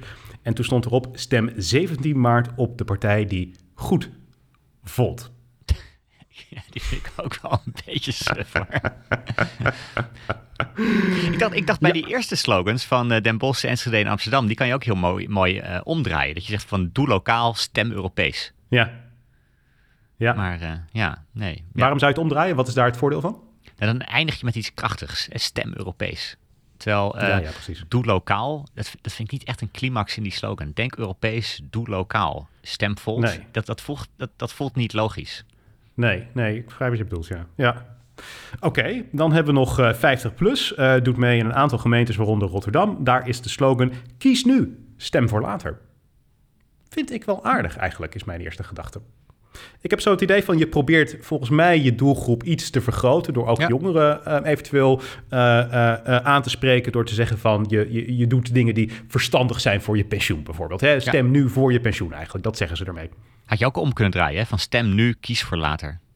Ja, Hm. ja, Ja. ja. Maar ik, ik snap wel dat je, dat je daarmee de doelgroep iets breder probeert te maken. Het gaat niet alleen om pensioenen of zo, want daar gaan natuurlijk ook de gemeenteraadsverkiezingen gaan daar helemaal niet over. Hè? Dus ehm, zorg voor ouderen, dat is misschien, dan maak je te veel een oudere partij, maar stem voor later. Het, het is, dat is, wie, wie kan daar tegen zijn? En toch weet de, de doelgroep waarschijnlijk precies wat ermee bedoeld wordt. Dan heb je de SP. Strijd mee. Stem SP. Uitroepteken. Je moet het ook met een gebalde vuist zeggen. Hè? Dus het is niet strijd mee, stem SP. Nee, strijd mee, stem SP. Weet je wel, zo moet het. dat vind ik een hoog communistische poster gehad. Ja, maar dat eh, is ook wel natuurlijk, ja, dat is toch een beetje. de- de- maar, eh, maar dat is wat het is. Deze slogan gebruiken ze in Rotterdam, in eh Meijerijstad, in Hengelo, in Os en ook in heel veel andere plaatsen. En natuurlijk heel strijdbaar. Hè? Dat is een beetje wat het uitstraalt. En dat vind ik wel aardig, die, zeg maar, die, die achtergrond van de SP weergeven. Wat is een partij die voortgekomen is uit stakingen, protestbewegingen, dat soort dingen. Dus zij zien de strijd groter dan alleen maar de politiek, maar zij zien het als een maatschappelijke strijd. Nou, dat komt daar wel aardig tot zijn recht. Het is ook een beetje een variatie op de oude slogan die ze in de jaren 90 hadden. Stem tegen stem SP. Ja. Ehm, dus dat hebben ze op een gegeven moment laten vallen, omdat ze, nou ja, goed, eh, niet alleen maar een, een, een, een tegenpartij wilden zijn, maar dat ze ook echt mogelijk open stonden voor deelname aan, het, eh, aan, aan de regering en op lokaal niveau aan eh, colleges. En dat doen ze volgens mij in sommige gemeentes ook. Eh, dus daarom is deze slogan logischer. Waar het niet op doelt, in ieder geval, is die enorme interne strijd die nu aan het woekeren is binnen de SP. Want Ja. in heel veel steden hebben we natuurlijk een SP-afsplitsing, waaronder in Utrecht, daar doen de socialisten Utrecht mee. En in Rotterdam zijn dat de socialisten 010. En dat zijn allemaal kleine afsplitsingen vanwege interne conflicten binnen die partijen over de koers. Ja. Nou, mensen zijn gewoon uit de partij geknikkerd door het landelijk bestuur, ja, toch? eh, redelijk hardhandig, ja. En ook echt eh, prominente op lokaal niveau, ja. Ja. Oké, dan hebben we bijeen de partij van Silvana. In Utrecht en Delft is de slogan spreek je uit, beken kleur. En die is ook gebruikt bij de Tweede Kamerverkiezingen vorig jaar. Ja. Ook deze. Ik, ik ben eigenlijk best wel positief over heel veel slogans, maar ik kan ook deze best wel waarderen. Want bekend kleur, dat heeft natuurlijk een soort van dubbele betekenis. Aan de ene kant is het van, je spreekt je uit, hè, je Ja. bekent kleur, je zegt waar je voor staat. Maar aan de andere kant is het ook van, ben trots op je etniciteit. En dat is natuurlijk wel een belangrijke doelgroep voor deze eh, partij. Dus ik, ik vind dit eigenlijk, nou, ik, ik vind dit wel aardig. Ja, hebben ook hele kleurrijke posters. Dus dat valt direct Ja. op tussen de andere posters. Vond ik ook. Ja, zeker ja. Ja, ja in Amsterdam is de slogan eh, iets anders. Amsterdam is altijd al van ons, eh, is daar de slogan. En op de poster staat die slogan eh, op sommige posters in het Nederlands, maar ook in het Arabisch op andere posters. Engels, Frans, Turks en zelfs andere talen die daar ook nog op staan. Dus nou, dat vind ik ook wel weer, ik, ja, aardig. Creatief, grappig. Het valt in ieder geval op. Maar dan staat er dus in het Arabisch: Amsterdam is altijd al van ons. Ja, ja. Nogmaals, de doelgroep eh, zal het herkennen en die zal het eh, waarderen, denk ik. Ja, Ja. ja. Kan op zich ook korter misschien gewoon bekend kleur of zo. Als je hem echt een, eh, een kleinere poster hebt. Want ik vind op spreek je uit bekend kleur vind ik ook wel best wel veel tekst weer voor zo'n poster hoor. Ja, maar je moet toch een boodschap erin zien te vatten, Lars? Ja. ja, maar het hoeft niet altijd op die poster toch? Ja, maar in- er moet ook wel bij worden gezegd dat heel veel, zeker in gemeentes waar ze die gestandardiseerde borden hebben, waar gewoon alle verkiezingsposters op staan, daar staat meestal alleen maar de tekst op van eh, stem SP of iets dergelijks of eh, dat soort eh, basale dingen. Dus deze poster of deze flyer of deze slogans zie je vooral terugkomen op andere uitingen, de website en soms de flyer en soms Ja. andere posters die mensen zelf kunnen ophangen. Maar goed, we hebben het toetje voor het laatste bewaard. Want Of we hebben meer nog. Ik dacht, we hebben nu echt alle partijen wel gehad. eh. Nou, we zijn er één vergeten. En dat is de legendarische partij, wie kent ze niet? Jezus leeft. En weet je, ik denk dat we niet genoeg mooie dingen kunnen zeggen over de fantastische slogan die ze hebben. Ze doen mee in zo'n 20 gemeentes, waaronder Katwijk, Gorinchem en Rotterdam. En de slogan is, en dit is echt, ik moet eerlijk zeggen, ik meen serieus, ik vind het echt een hele goede slogan. Daar komt hij. Meer Jezus, minder crisis. Dit is gewoon perfect. Dit is waar ze voor staan. Dit is gewoon die partij. Hè? Wij zijn allemaal ongelovig. Dat is de reden waarom we in crisis zijn. Dat is hun standpunt. En perfecte woord. Gewoon bondig. Vier woorden. Ja. En zeer kernachtig. Dus dat is wel uh, mooi. Bij de Europese verkiezingen hadden ze een vergelijkbare slogan. Daar was het Jezus ja, EU nee. ja, die vind ik dan weer raar. Ja. Nou ja, ja, goed. Het is, het, is, het is duidelijk waar je voor staat. Maar wacht even, maar, maar de strekking van de partij is dus Jezus leeft. Dus die is er al. Ja die, die is nu onder ons. Uh, Jezus zorgt voor ons en bekommert zich om ons. En tegelijkertijd zeg je dat er heel veel crisis is, maar je belangrijkste boodschap is: hoewel Jezus al leeft, moeten wij eerst in de gemeenteraad komen om te zorgen dat we minder crisis krijgen. Nou ja, kijk, zij zeggen natuurlijk, zij zijn gelovig. Dus zij geloven het feit dat wij uh, uh, niet uh, vrome religieuze mensen zijn. Dat zien ze als de reden dat God ons straft. En dus als wij inderdaad religieuzer zouden zijn, trouw naar de kerk zouden gaan op zondag en religie op een fatsoenlijke manier beleiden, dan zou er inderdaad geen oorlog zijn in Oekraïne. Okay. Ja, nou, het is een standpunt. Oké, dit waren de slogan. Conclusies die we hieruit kunnen trekken. Wat hebben we hiervan geleerd? Uh, nou, we hebben gezien dat het moet kort en krachtig zijn. We hebben gezien dat consistentie loont. Dat er wel heel grote verschillen zijn tussen de, tussen de partijen. Die, uh, sommige die, uh, die hebben wel heel weinig controle misschien over de messaging, zoals dat, als, als dat heet. En wat verrassende goede posters eigenlijk. Dat jij um, partijen waar je toch volstrekt niet mee eens bent, Victor, toch hebt gecomplimenteerd met een prachtige posters. Ik ben een zeer redelijk persoon, Lars. het duurde 28 afleveringen, maar we zijn erachter. Nee, dat is niet waar. dat is niet waar. Oké, goed. Ik vind het ook wel grappig trouwens. Weet je hoe ze trouwens tegenwoordig uh, canvassen noemen? Want de, de, de, Partij van de Arbeid die gaat dan uh, langs bij mensen aan de deur. Dat heette vroeger canvassen. Ja? Maar dat is natuurlijk een beetje een gekke term. Dat komt een beetje uit de Obama-campagne uit het Engels. Tegenwoordig hebben ze daar de term voor huis aan huizen. We gaan met z'n allen huis aan huizen. ja, ik vind het ook verschrikkelijk. Ja, ik vind canvas ook niet mooi hoor. Dus ik kan me ook wel voorstellen dat je naar een nieuwe term zoekt. Maar, we gaan melkboer ja, spelen. ook nog ja. niet. Ja. Oké, okay, um, laten we naar uh, het volgende gaan. Dat sluit hier een beetje op aan, want uh, jij hebt een standpunt. Jij hebt eigenlijk een, een, een, een vrij duidelijk uh, standpunt, wat ik ook al aan het begin even aankondigde. Tijdens de verkiezingscampagne, die is zelfs afgetrapt door verschillende partijen, GroenLinks en D66 bijvoorbeeld, door al een maand geleden te zeggen van wij roepen onze lokale afdelingen op om niet samen te werken met de PVV en Forum voor Democratie, waar zij in de raad komen. Klopt. Uh, dat is iets wat veel bekritiseerd is. Sommige mensen zijn er tegen. Het is ook iets waar sommige mensen uiteraard voor zijn. En jij zegt van die oproep die toen de tijd gedaan is, die ondersteun jij volledig. Uh, partijen uitsluiten is een goede zaak. Yes, want ik heb drie redenen waarom het goed is om voorafgaand aan de verkiezingen partijen uit te sluiten van het bestuur. Want dat is nobel, tegenstanders zijn hypocriet en de democratie is dan beter af. Oké, okay. uh, nou laten we beginnen met uh, één. Je zegt het is uh, nobel. Ik, is, ik ben benieuwd, wat bedoel je hiermee? Het is nobel en eerlijk. Hoe mooi zijn die termen? ik vind als je voor de verkiezingen al weet dat je niet met een bepaalde partij gaat besturen, dan is het vooral eerlijk en nobel om vooraf te vertellen wat je na de verkiezingen gaat doen. Want je geeft kiezers vooraf informatie waar ze hun stem op kunnen baseren. Sterker nog, ik zou verder willen gaan, het is kiezersbedrog als je uit electorale overwegingen bewust geheim houdt welke samenwerking je uitsluit. Want dat is volgens mij juist waar kiezers zich gaan ergeren. Dat, uh, dat er onderhandelingen zijn voor de bühne, terwijl je toch al weet dat je er niet uit gaat komen. En er zijn soms ook hele legitieme redenen om samenwerking uit te sluiten. Uh, het kan zijn dat een partij racistische of fascistische uitspraken heeft gedaan. Het kan zijn dat er dreiging en intimidatie is van collega-politici, dat er met tri tribunalen wordt gedreigd. Het kan zijn dat de waarden die, uh, die aanhangt niet alleen verschillend zijn, maar elkaar echt uitsluiten. Het kan zijn dat er een partij is die bewust de rechtsstaat probeert te beschadigen of het vertrouwen in de wetenschap probeert te ondermijnen. Of soms kan er ook lokaal een conflict zijn dat samenwerking onmogelijk maakt. En ik vind op zo'n moment, als je eigenlijk al voor de verkiezingen weet dat je niet in het bestuur wil samenwerken, is het heel goed dat je dat vooraf helder en transparant met de kiezer deelt. Want dan kan de kiezer, zowel die van jouw partij als die van bijvoorbeeld een andere partij, daar rekening mee houden. Is dit helder en transparant, uh, zit ik me af te vragen? Want uh, Kaag kondigt het op een uh, partijcongres van D66 aan. Maar Kaag is weliswaar partijleider van D66, maar ze is uiteindelijk niet degene die gaat over wat zo'n lokale fractie doet. En we zien wel dat er een verschil is tussen partijen op landelijk niveau en de lokale partijen. Uh, sterker nog, je ziet vaak dat ze veel minder ideologisch zijn. Er spelen gewoon andere onderwerpen. Het zijn andere mensen natuurlijk op lokaal niveau ook. Uh, waardoor het best denkbaar is dat uh, sommige D66-fracties op lokaal niveau wel degelijk gaan samenwerken met de PVV of zelfs Forum.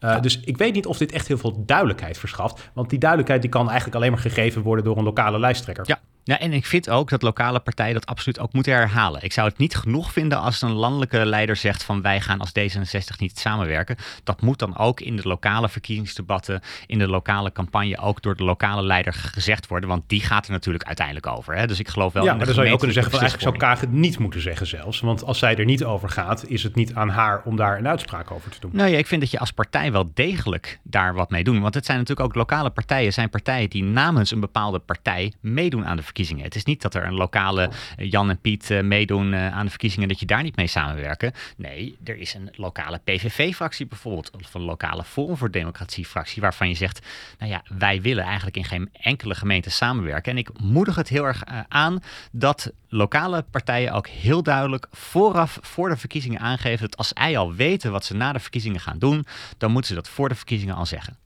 Ik vind de lokale component wel degene wat dat lastig maakt. Want je ziet bijvoorbeeld dat in sommige gemeentes uh, de SP heel goed samenwerkt met uh, de VVD. En dat ja. kan op landelijk niveau is het in het verleden heel moeilijk gebleken om dat uh, te doen, omdat ze ideologisch ver uit elkaar liggen. Maar op, ge op gemeentelijk niveau is de politiek soms iets minder ideologisch en kan je elkaar makkelijker vinden. Dat zou natuurlijk ook kunnen gelden voor sommige lokale PVV-afdelingen. Dus ik, ik vind het een beetje gek om, om, om het landelijke direct 100% vergelijkbaar te stellen met het lokale. Ik denk dat er soms wel belangrijke verschillen in zitten. Ja. En ik denk ook dat politici de plicht hebben om constructief te zijn. Hè? Want ik denk dat dat ook hetgene is wat uiteindelijk uh, ervoor zorgt dat er een bestuur komt wat uiteindelijk functioneert en wat goede dingen voor elkaar kan krijgen. Je moet soms over je eigen schaduw heen stappen in de politiek. Ja, komen we bij argument 3 op. Oké, nou laten we doorgaan met argument 2 dan. Want, ja, ik vind ook even, even om af te sluiten. Ik vind in landen als Denemarken, ik kom zelf uit Denemarken, worden ook voorafgaand aan de verkiezingen al coalities duidelijk gemaakt. Dus dan weet je eigenlijk op de verkiezingsavond al wat er met de uitslag gaat gebeuren. En ik vind dat wel ja. heel duidelijk naar de kiezer. Dat je gewoon als kiezer weet, ik weet wat er op basis van deze verkiezingsuitslag gaat gebeuren. En ik denk dat het in Nederland heel eerlijk vaak nog te onduidelijk is na een verkiezingsavond wat er eigenlijk met die uitslag gaat gebeuren. En uh, dit is wel zo duidelijk en duidelijkheid is goed. Ja, ja. Uh, Oké, okay. argument 2? Argument 2. Huilieroepers zijn hypocriet en begrijpen niet wat democratie is. Oké. Okay. Want we kiezen niet ons bestuur, maar onze vertegenwoordiging. En dat lijkt misschien een heel principieel, filosofisch, uh, abstract punt. Dat is wel heel, uh, heel belangrijk. Want als een partij bijvoorbeeld 10% van de stemmen krijgt, dan krijgen ze ook gewoon in Nederland 10% van de zetels. Dat is in heel veel andere landen is dat anders. En als raadslid kun je het geluid van je achterban laten horen in het raadsdebat. Je kan moties indienen, je kan op deelonderwerpen samenwerken. Dat gebeurt nu vaak ook al. Dus zelfs als je niet in het college samenwerkt, betekent dat niet dat je niet op deelonderwerpen kan samenwerken. En dat betekent al helemaal niet dat je tegen andere geluiden bent. En ik zag daar een mooi voorbeeld van vorige week. Je weet bijvoorbeeld dat in, Dordrecht hebben de lokale uh, GroenLinks bijvoorbeeld en, de, en D66, die hebben samenwerking met de PVV en Forum voor Democratie in het bestuur uitgesloten. Maar wat werd er georganiseerd? Er werd in Dordrecht werd er een debat georganiseerd door de FNV. En die wilde dat debat, dat verkiezingsdebat, organiseren zonder de PVV en Forum voor Democratie. Toen hebben VVD, CDA, Partij van de Arbeid en GroenLinks geweigerd om aan dat debat mee te nemen uit solidariteit met de PVV en de Forum voor Democratie. En dat vind ik heel goed. Hè? Want je ja. moet, het geluid moet je horen. Het feit dat je niet samen in het bestuur zit. En dat je van tevoren al weet dat je niet samen gaat besturen. Betekent niet dat je tegen dat geluid bent. En ik, ik denk dat dat wel een heel mooi voorbeeld is. En ook een mooie illustratie is om te laten zien dat er wel degelijk heel groot, een heel groot verschil is. Tussen niet geïnteresseerd zijn in het geluid. Of een geluid onder, willen onderdrukken bijvoorbeeld. Of voor jezelf bepalen dat je niet geloofwaardig samen het bestuur kan aangaan. En dan zeggen sommige mensen, maar je sluit kiezers uit. Nou, daarvan zeg ik, dat is, dat is helemaal niet zo. Want je kunt nog steeds bijvoorbeeld op deelgebieden samenwerken. Je kunt samen moties indienen en, en dat soort dingen. En het zijn juist de partijen die op dit moment uh, vaak uitgesloten worden, die zelf doorlopend kiezers disqualificeren. Met uitspraken over minder Marokkanen, uh, vergelijkingen van uh, coronamaatregelen met ja, de holocaust. Dat is natuurlijk niet de reden om het zelf wel te doen. Hè? Want als je zegt, zij doen doen dat en dat is verkeerd. Dan, dan Nee, maar- moet je niet dat als excuus gebruiken om zelf te zeggen van nou, dan gaan wij ook kiezers Nee, uitsluiten. maar mijn argument is eigenlijk het tegenovergestelde. Zij sluiten wel kiezers uit, maar door aan te geven dat je niet samen wil besturen, sluit je geen kiezers uit. Want er zijn nog steeds raadsdebatten. Je kunt meedoen aan de meningsvorming, besluitvorming in de gemeenteraad. Op deelgebieden kun je samenwerken, maar niet op alles. Want soms kan je niet geloofwaardig samen besturen. En als dat zo is, ja, dan is het eigenlijk ook heel ondemocratisch. Uh, Als je bijvoorbeeld zou zeggen van, nou, ja, we laten het nu een beetje in het midden, maar na de verkiezing ga je dan ineens tegen een partij zeggen van, je moet nu wel eerst af- eh, afstand nemen van je programma of afstand Ja. nemen van, je, van je landelijke partij voordat we willen samenwerken. Ja, kijk, dat vind ik kiezersbedrog en dan vind ik het veel beter als je gewoon zegt van, nou, we kunnen best op deelgebieden samenwerken, maar dat betekent niet dat we de plicht hebben om samen met jou te besturen. Ik denk dat eh, je gelijk hebt als je zegt dat eh, niemand eh, die niet een meerderheid heeft, eh, kan opeisen dat hij meebestuurt. Hè? Dus het is geen recht wat je hebt om mee te besturen. Waar ik, ik denk dat ik een probleem hier zie, is dat het voor mij wel tegen de geest ingaat van wat een democratie is. Want in een democratie beslecht je belangen. En daarbij ga je ervan uit dat niemand het universele gelijk heeft. Dat is een heel belangrijk iets, want op het moment dat jij het universele gelijk claimt te hebben, dan kun je ook zeggen van andere partijen die daarvan afwijken, die zijn gevaarlijk en die moeten we buitensluiten. En dat is altijd een risico. Hè? Er is altijd een risico dat machthebbers eh, een, een, een- het- het- hetgene wat redelijk is, wat acceptabel is, zo eng definiëren dat alleen zij en hun zielsgenoten daaronder Ja. vallen. En dat is voor mij hier een teken van wat hier aan het gebeuren is. Er zijn mensen die het universele gelijk aan het claimen zijn. En ik denk dat je daarmee moet oppassen, omdat je ook als je in dat spel zit, kun je het nooit helemaal goed beoordelen of jij het universele gelijk hebt. Hè? Ja. Of je denkt het misschien, je voelt het misschien, maar Pim Fortuyn is toch wel het beste voorbeeld van iemand die, eh, eh, die, die, die echt op allerlei mogelijke manieren daar werd weggezet als een racist, als iemand die discrimineert en die volledig werd hij buiten de orde geplaatst. Terwijl heel veel van zijn standpunten die zijn vergeleken met de huidige politiek gematigd. Hè? Dus er zijn veel standpunten ook door de Partij van de Arbeid op, op het gebied van immigratie overgenomen. Veel van zijn taal is ook echt overgenomen door heel veel mensen. Dus ondanks dat die, dat die democratie echt heel erg heeft opgeschud, Ja. zou je wel kunnen zeggen dat hij een noodzakelijke correctie was op het denken van de jaren negentig, wat wat technocratisch is eh, Ja. geworden. Eh, dus ik denk dat je echt heel erg moet oppassen met mensen zomaar disqualificeren. Ja, maar ik bedoel dat je niet iedereen moet disqualificeren eens. En overigens is natuurlijk Pim Fortuyn ook nooit uitgesloten. Hè? Want in Rotterdam is hij vervolgens in het college gekomen.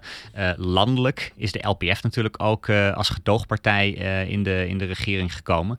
Dus eh, maar hij is wel vermoord, hè, Lars? is niet uit- uitgesloten. Sorry? Nee, maar hij is, nee, maar dat vind ik. Dat, kijk, hij is, hij is vermoord. En dat komt voor een deel omdat hij is vermoord door iemand die zijn politieke standpunten niet goed vindt. En dat geeft wel aan dat. Ik ben tegen Nou, moord. Ga ik het niet, ga ik het niet fijn, mooi, goede zaak. Blij dat we het daarover eens zijn. Eh, nee, maar kijk, wat ik bedoel te zeggen is, eh, het debat was te verhit. En dat had niet zo verhit mogen worden.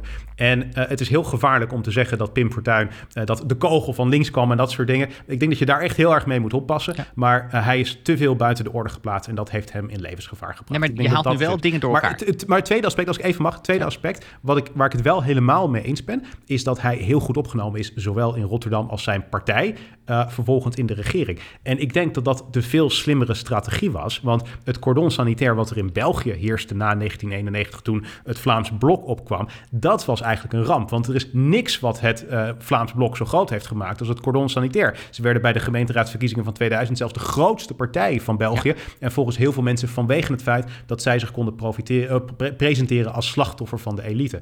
Dus ik bedoel, behalve dat principiële punt over het is de democratie onwaardig, denk ik ook van strategisch gezien is dit gewoon niet een verstandige beslissing als jouw werkelijke doel is om deze partij klein te Ja. houden. Want het doel van D66 is, en, en ook GroenLinks, is niet om, om, om, om Forum en de PVV klein te houden. Zij hebben er baat bij dat die partijen groot worden. En daarom willen ze lekker een rel creëren met als gevolg dat zij zich daartegen kunnen afzetten. En dan worden beide groter, maar tegelijkertijd het land is meer gepolariseerd en moeilijker bestuurbaar. Dus ik vind dat eigenlijk de reden waarom ik persoonlijk eh, tegen het uitsluiten van partijen ben. En ik accepteer, dat is mijn laatste punt hier, ik accepteer dat een samenwerking niet altijd tot stand komt. Daarom zei ik ook van, je hebt geen recht wat je kunt opeisen om mee te besturen. Maar ik accepteer wel dat, ja, dat als je het gewoon eh, hebt geprobeerd, dat het eh, in veel gevallen gewoon niet lukt omdat je te ver uit elkaar ligt.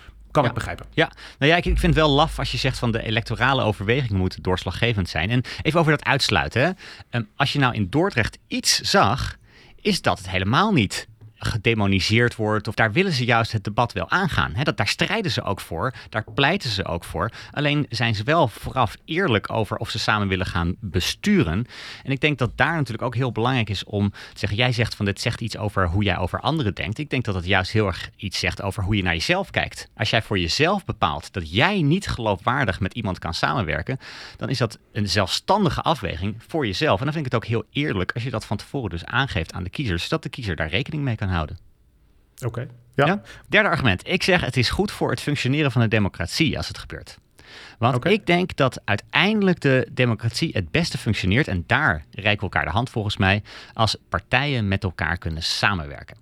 En sommige mensen, dat doe jij nu ook wel een beetje, doen alsof het uitsluiten hier het grootste probleem is.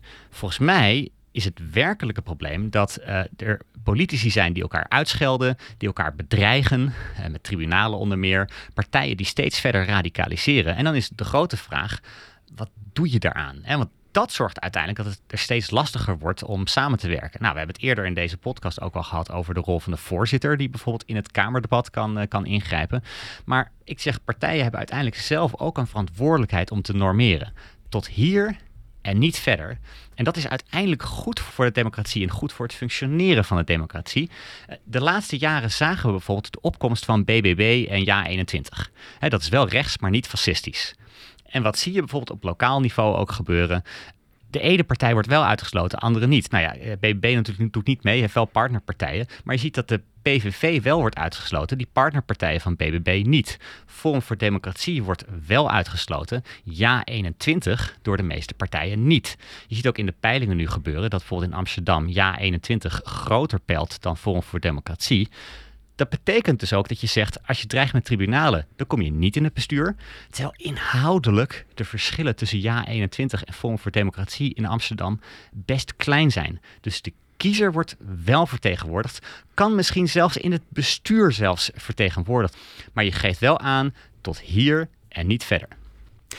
Uh, ik vind het een beetje elitair populisme. Dat, dat vind ik uh, altijd uh, wel iets wat in het algemeen alles, jouw standpunten kenmerkt. nou, veel van jouw standpunten zijn dat wel, ja.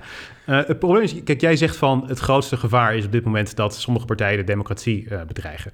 En ik, ik, waar ik het helemaal mee eens ben, is dat dat, dat een gevaar is. Hè? Dus ik denk ook bijvoorbeeld de bestorming van het kapitool. Dat er een risico is dat rechtse partijen hier daar um, zeg maar uh, inspiratie aan opdoen. Dus ik zie dat echt als een heel groot gevaar. Ja. Ik vind het alleen, waar, waarom ik het populisme vind, is om, omdat het niet het enige gevaar is. Er zijn altijd in een democratie meerdere gevaren. En de meeste democratieën zijn historisch gezien opgeheven om ze te beschermen. Hè? Dus de meeste staatsgrepen zijn gepleegd omdat de democratie beschermd moest worden. Hè? De meeste uh, uh, dictators zijn aan de macht gekomen omdat ze de democratie... Dat, bedoel, dat is het, Om, de meest dat hè? Niet omdat ze het daadwerkelijk wilden. Nou, maar ze zouden ook best gewoon uh, daadwerkelijk goede bedoelingen gehad hebben kunnen. Dat ja. is nou denk ik het probleem waar je altijd je van bewust moet zijn. En dat is waarom ik dat punt eerder maakte over het universele gelijk. Als jij claimt dat jij moreel verheven bent boven andere partijen, dan is dat een heel gevaarlijk pad om op te gaan. Want dat geeft jou het recht om allerlei maatregelen te nemen van het doel heiligt de middelen. En ik zie democratie als een proces. Ik denk dat je kaders moet hebben waarbinnen je moet opereren. Dus daarom vind ik bijvoorbeeld ook het aanzetten tot uh, uh, haat en geweld. Dat zijn strafbare feiten. Daar kan je bij de rechter voor veroordeeld worden. Uh, nou, dat is ook iets wat er bij de PVV bijvoorbeeld heeft gespeeld. Hè. Ze zijn uiteindelijk voor de rechter gedaagd vanwege die minder, minder, minder uitspraken over Marokkanen. Dus dat is voor mij een teken dat het systeem werkt. Maar binnen dat kader, als je daaraan voldoet, dan vind ik dat in principe alle partijen gewoon moeten kunnen zeggen en kunnen doen wat ze vinden. En nogmaals, ik, ook als je de rechtsstaat ondermijnt en, en de democratie wil ondermijnen.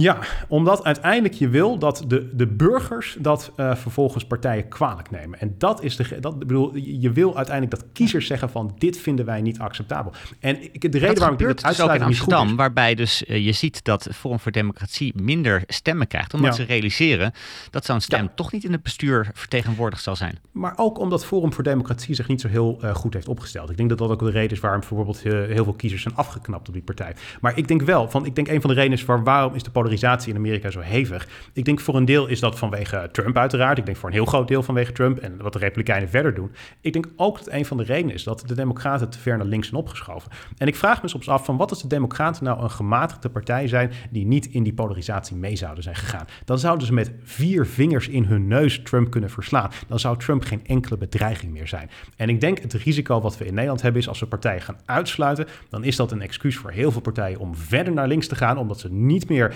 zich genoodzaakt voelen om die rechtse kiezer te paaien. Met als gevolg dat je eigenlijk de, de legitimiteit van je democratie ondergraaft.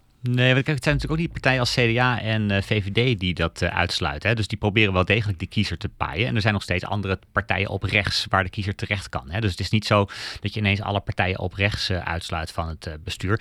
Ik denk ook dat de kans niet al te groot is dat uitsluiten te populair wordt. Hè? Dus er is eigenlijk geen enkele drijfveer voor politieke partijen om hier te enthousiast in mee te gaan. In 2017 had je SP-lijsttrekker Emiel Roemer, die aan het begin van de campagne aankondigde dat hij niet met de VVD wilde meeregeren. Nee. Nou, daar heeft hij enorm veel spijt van gekregen, want direct was duidelijk dat hij zichzelf bij voorbaat buitenspel had gezet. Je ziet ja. eerder zag je ook dat, uh, dat Wilders bijvoorbeeld de VVD heeft uitgesloten, zolang Rutte er nog uh, de leiding heeft is ook niet zo goed bevallen. Dus ik denk dat er wel degelijk drijfveren zijn om er niet al te enthousiast in mee te gaan. Maar als er een hele goede reden is, en die kan er dus zijn, die is er op dit moment ook, dan denk ik dat het goed is dat je het doet. Goed is dat je dat van tevoren kenbaar maakt. En goed is dat je dat ook voor de verkiezingen met de kiezers deelt, zodat je kan laten zien dat het niet loont en niet wordt beloond om elkaar te bedreigen. Ik zie het als een uh, cynische marketingstunt uh, van uh, D66 en GroenLinks. En ik denk eigenlijk dat het nog best voor hun achterban wel zou kunnen werken. Ik weet het niet zeker, maar het zou mogelijk het geval kunnen zijn. Maar goed, dat is mijn standpunt hierover. We moeten deze discussie afronden. Ik, ik zie het als principes, Victor, en niet als cynisme. Maar jij ziet wel meer als cynisme, want dat gaan we in het volgende boekje volgens mij ook zien. Uh, oké, het is goed even hoe jij het laatste woord nog even infietste. Terwijl ik. Oké, goed. ja, oké. Ik, ik weet niet of ik daarmee eens ben, maar goed, dat ga ik verder laten zitten. Inderdaad, want uh, we moeten uh, het nog hebben over de reclames van Dove. En die zijn nu veelvuldig op televisie te zien. Ze hebben een marketingcampagne weer ingezet. En dat is een marketingcampagne die ze ook al in het verleden hebben ingezet. Dat is Dove Body Love, zoals ze dat noemen. En dat is marketing en reclame gericht op het geven van zelfvertrouwen aan vrouwen, ongeacht hun postuur. Dus je ziet heel veel uh, vrouwen met overgewicht. Het, het, is een product gericht op vrouwen, dus vandaar dat het vrouwen van overgewicht zijn. En op een uh, website en andere marketing verzetten ze ook heel erg tegen het idee van body shamen. Ze noemen het statistiekje dat één op de twee vrouwen in Nederland kritiek gekregen heeft op haar lichaam. Dus da daarmee probeer je het punt te maken dat body shaming slecht is. Ze zeggen ook letterlijk op een website: schoonheid heeft niets te maken met je postuur. Schoonheid is het gevoel dat je op je best bent. Ja. En daar ben je natuurlijk heel okay. eens. Dat vind jij sympathiek. En je dacht, kunnen niet meer merken, precies zoals DAF, dit, nou ja. zou, uh, dit zou insteken? We hadden het net al over cynische marketing. Ik denk dat dit nou echt een typisch voorbeeld uh, daarvan is. Want uh, ze doen het natuurlijk uh, bewust om een bepaalde doelgroep aan te spreken. En ja, 40% van de samenleving heeft overgewicht. Dus als dat de mensen zijn aan wie jij je product kunt, kunt slijten, dan, dan zijn dat toch best wel heel veel mensen. dus, dus ik, denk dat het een bewuste strategie is om het anders te doen dan andere merken. Maar los daarvan, kijk, ik denk dat body shamen heel slecht is. Dat moet echt gezegd worden. En dat is ook iets waar ik zelf van denk van ik vind dat respectloos. Het is ook iets wat niet helpt bij het afvallen. Ik heb het ook al eerder gezegd in deze podcast, maar ik uh, woog uh, tot 11 jaar geleden uh, meer dan 100 kilo. Ik, ik, weet in die zin ook hoe het is om gebodyshamed te worden. En ik weet ook dat het echt volstrekt geen motivatie biedt om af te vallen. Ja, werd, dus, werd, werd, jij gebodyshamed dan? nou ja, maar gewoon door mensen die daar wel eens een opmerking over maken inderdaad. Zeker, absoluut ja. ja, ja. Nee, als je in de 20 bent en meer dan 100 kilo weegt, dan is dat niet iets wat mensen over het algemeen heel prijzenswaardig vinden. En begrijpelijk, ik bedoel, ergens vind ik dat ze inhoudelijk ook wel gelijk hebben. Maar het, het, het, het body shame is natuurlijk niet heel erg fijn als mensen daar een opmerking over maken. Hm. Waar ik een probleem mee heb, is dat ze bij Dove zeggen dat het hebben van overgewicht eigenlijk niet erg is. Daarom haalde ik die quote van de website ook aan. Uh, schoonheid is niet het gevoel dat je op je best bent. Weet je, je bent inderdaad... Het, het is heel sympathiek om te denken van... je bent ook mooi als jij 40 kilo overgewicht hebt... maar de realiteit is gewoon nee. Je bent niet zo mooi met 40 kilo overgewicht als dat je bent zonder die 40 kilo overgewicht. Dat is gewoon de keiharde realiteit. En die boodschap aan mensen meegeven is gevaarlijk. Want overgewicht is gevaarlijk. En dat is echt iets wat we ons moeten realiseren. Overgewicht leidt tot diabetes type 2. Het leidt tot uh, uh, hart- en vaatziektes. Het leidt tot uh, verschillende vormen van kanker. Het zorgt ervoor dat je gezondheidsproblemen krijgt, minder lang leeft. Het is over het algemeen slecht voor je heel slecht voor je. En ik vind dat we op geen enkele manier mensen het gevoel moeten geven: het is oké om dik te zijn. Ik vind niet dat we ze er bewust op moeten wijzen dat ze te dik zijn. Ik vind dat niet uh, uh, respectvol. Maar om nou te zeggen het tegenovergestelde van: het is allemaal oké, het is allemaal geen probleem. Nee, dat is nou typisch body positivity. En dat is iets waarvan ik denk dat is slecht voor onze samenleving. Dat moeten we niet willen. Maar dit komt wel heel dicht in de buurt van body shamen. Waarom? Ook, om, ook als, jij, als jij namelijk uh, maar vaak genoeg roept dat het uh, slecht is om dik te zijn, dat je er kanker van kan krijgen, dat je uh, hart- en vaatziekten ervan kan krijgen. ik denk in de coronadiscussie zag je ook op een gegeven moment inderdaad het, het, het sentiment ontstaan van heel veel mensen op de IC die hadden overgewicht. Mm -hmm. Als je dat maar vaak genoeg roept, dan krijg je toch op een gegeven moment in een samenleving een cultuur waarin het geaccepteerder wordt om er wat van te zeggen als iemand te dik is. En misschien ja, ook wel uh, ja, vaker gaat body Nou, dat weet ik niet. Ik denk dat uh, waarom zou je mensen body shamen? Ik vind overgewicht ongezond. Uh, maar dat is niet zoiets dat ik dat nou persoonlijk deze mening ben opgedaan. Uh, dit is gewoon een feit. Hè? De medische wetenschap is het erover eens dat overgewicht, hè, de definitie zegt het al bijna, overgewicht is gewoon slecht voor je. Dus net zoals het feit dat we ook niet zeggen van ja, iemand is alcoholist, dat moeten we ook maar accepteren. Ja. nee, we zeggen gewoon ja, dat is niet zo handig. Ik vind niet dat, er een, dat, dat, dat, dat, dat jij of ik het recht heb om mensen erop te wijzen, op, zeker op een onplezierige manier dat ze te dik zijn. Hè? Om allerlei negatieve opmerkingen te gaan maken over hun lichaam. Dat, dat zou ik absoluut niet voor zijn. Dat is voor mij body shaming. Maar uh, gewoon erkennen dat het ongezond is, ja, dat is gewoon zeggen hoe het is. En ik, de reden waarom ik het belangrijk vind, is omdat we gewoon een stijgende lijn zien qua overgewicht in de samenleving. Hè. Dus in de jaren 60 van de vorige eeuw was 5 tot 10 procent van de mensen uh, te dik. Tegenwoordig is dat dus uh, 40 procent. En in Amerika is het 60 procent. We, gaan richting Amerikaanse toestanden. Hè. Dat is in heel veel opzichten niet goed. Uh, dus dit, dit, is, dit zijn grote problemen. En dan zijn er van die mensen die zeggen van... ja, maar overgewicht, daar kan je toch helemaal niks aan doen. Dat is toch allemaal geen, uh, iets waar je geen, waar je geen invloed op hebt. En dat is echt een misverstand wat er bij heel veel mensen is. de meeste mensen kunnen er wel degelijk wat aan doen.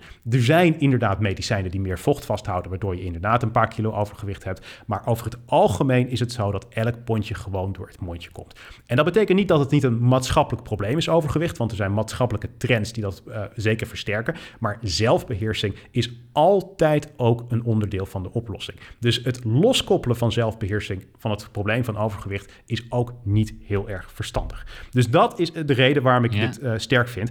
Uh, en, en waarom ik hier ook echt wat dat betreft een hele sterke mening heb. Ik wil nog een punt maken over, over zelfvertrouwen, maar jij wil iets anders zeggen, geloof ik. Nee, maar ik, ik zit even van, wat heeft het dan met DAF te maken? Want ik, ik kan me voorstellen dat je het gesprek met je dokter hebt over overgewicht. En dat dan Mhm. DAF tegelijkertijd mensen het gevoel geeft van je bent mooi zoals je, zoals je bent. Dat is toch alleen maar prijzenswaardig?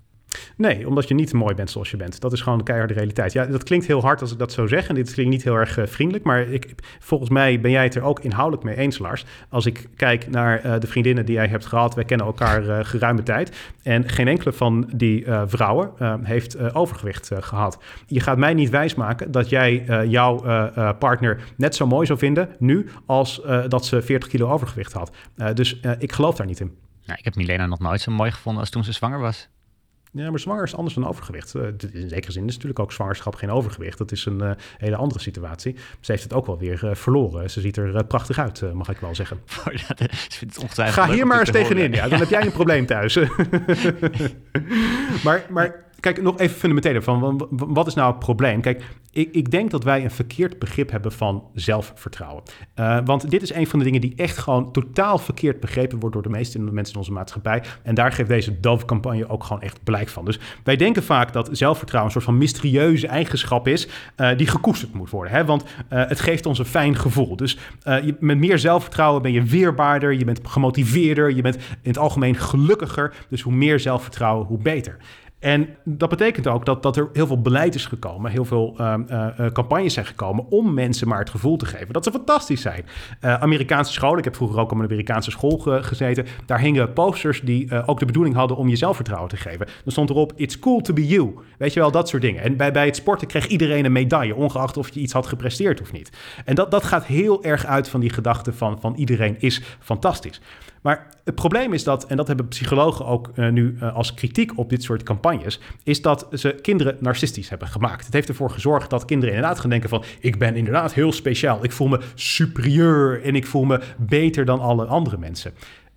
Het is heel gevaarlijk om zelfvertrouwen los te koppelen van prestaties. Soms is een gebrek aan zelfvertrouwen een heel gezond gevoel om te hebben. En als jij 40 kilo overgewicht hebt, dan is het inderdaad best gezond om je daarover niet heel erg fijn te voelen. Je hoeft je van mij niet rot te voelen. Ik kom er zo dadelijk op terug waarom dat niet je leven hoeft te verpesten. Maar het is gezond om af en toe geen zelfvertrouwen te hebben, omdat dat een stimulans is om te werken aan jezelf, om jezelf te verbeteren. Falen en tegenslagen, dat zijn dingen die we niet altijd moeten vermijden. Dat moeten we soms, daar moeten we de confrontatie mee aangaan. Dat moeten we accepteren dat dat er is. Want het probleem is dat er heel veel mensen zijn, heel veel misschien ook wel vrouwen uh, en ook wel mannen trouwens, die, die dan te horen krijgen van ja, je hebt overgewicht, maar je ziet er nog steeds fantastisch uit. Die gaan dan op de datingmarkt, dan komen ze er vanzelf achter. Dan krijgen ze de deksel op hun neus als, uh, ja, als, als ze gewoon merken dat mensen er helemaal niet zo over denken. Dat mensen overgewicht wel degelijk een probleem vinden. En dan kan het idee ontstaan, omdat ze dan gewoon denken van ja, maar ik, hoe kan dat nou? Ik ben toch fantastisch, ik zie er toch, hoe kan, hoe kan ik niet die, al die, die, die geweldige partner krijgen die ik graag wil hebben? Nou, dan krijg je dat ze rancuneus eraf wordt. Het kan echt tot resentment leiden als mensen te veel zelfvertrouwen, dat ze te veel een sense of entitlement hebben. Dus je moet heel erg oppassen met allerlei mensen dingen wijsmaken die niks met de realiteit te maken hebben. Dus ja, het idee dat overgewicht een belangrijke factor is, dat moeten we gewoon accepteren. Dat gaat waarschijnlijk niet veranderen en het is ook niet gezond als dat gaat veranderen. Ja. Ik denk dat eh, als je wilt daten, dat een van de belangrijkste eigenschappen die je wel hebt, is zelfvertrouwen. Hoor. Als jij met iemand aan tafel gaat zitten en op dat moment voel je je al onzeker over jezelf, dan ja, wordt het een lastige date. Ja, dus daarom is ook inderdaad uh, zelfvertrouwen. Ik, ik, zou het eigenlijk anders willen formuleren. Want ik denk dat zelfvertrouwen is niet per se hetgene wat je nodig hebt. Het is eigenwaarde wat je nodig hebt. En het verschil tussen die twee is dat je kunt bij eigenwaarde het. Uh, dan heb je het idee van. Weet je, ik, ik heb nadelen en ik heb voordelen. Maar dat heeft iedereen. Maar ik ben iemand die het recht heeft om te bestaan en die wat toevoegt aan de wereld. En dat houdt veel meer rekening met het feit dat um, er ook dingen zijn die niet goed aan je zijn. Dan kun je daar ook een plaats aan geven. Ik vind het volstrekt realistisch als je 40 kilo overgewicht hebt, dat je zegt bij jezelf: ja, dat is niet per se een pluspunt. Dat is misschien een minpunt aan mij. Maar er staat wel tegenover dat ik erg grappig ben, dat ik een leuke persoonlijkheid ben, dat ik iemand ben die heel sociaal, al dat soort dingen. Dus dan ga je veel meer die dingen in balans zien. En dat is nou een hele gezonde manier om tegen jezelf aan te kijken. En dat is dus een betere manier dan gewoon te zeggen: jij bent fantastisch. Want dit is veel specifieker. Je accepteert dat je overgewicht inderdaad een probleem is. En misschien moet je er wat aan werken, misschien ga je eraan werken en misschien komt het er ooit van. Maar het is veel meer ergens op gebaseerd. En dat is hetgene wat dit beter maakt. Hm. Wat betekent dat voor DAF? Uh? Nou ja, ik denk dat zij, ik bedoel, dit is natuurlijk een marketingcampagne die ze al een jaar of twintig uh, hebben. Dus uh, dat is een waarschijnlijk succesvolle campagne. Ehm, en ik vermoed dat ze die niet gaan veranderen. Maar ja, weet je, eigenlijk zou uh, de boodschap uh, gewoon uh, moeten zijn van het heeft geen zin om jezelf allerlei positieve eigenschappen aan te praten.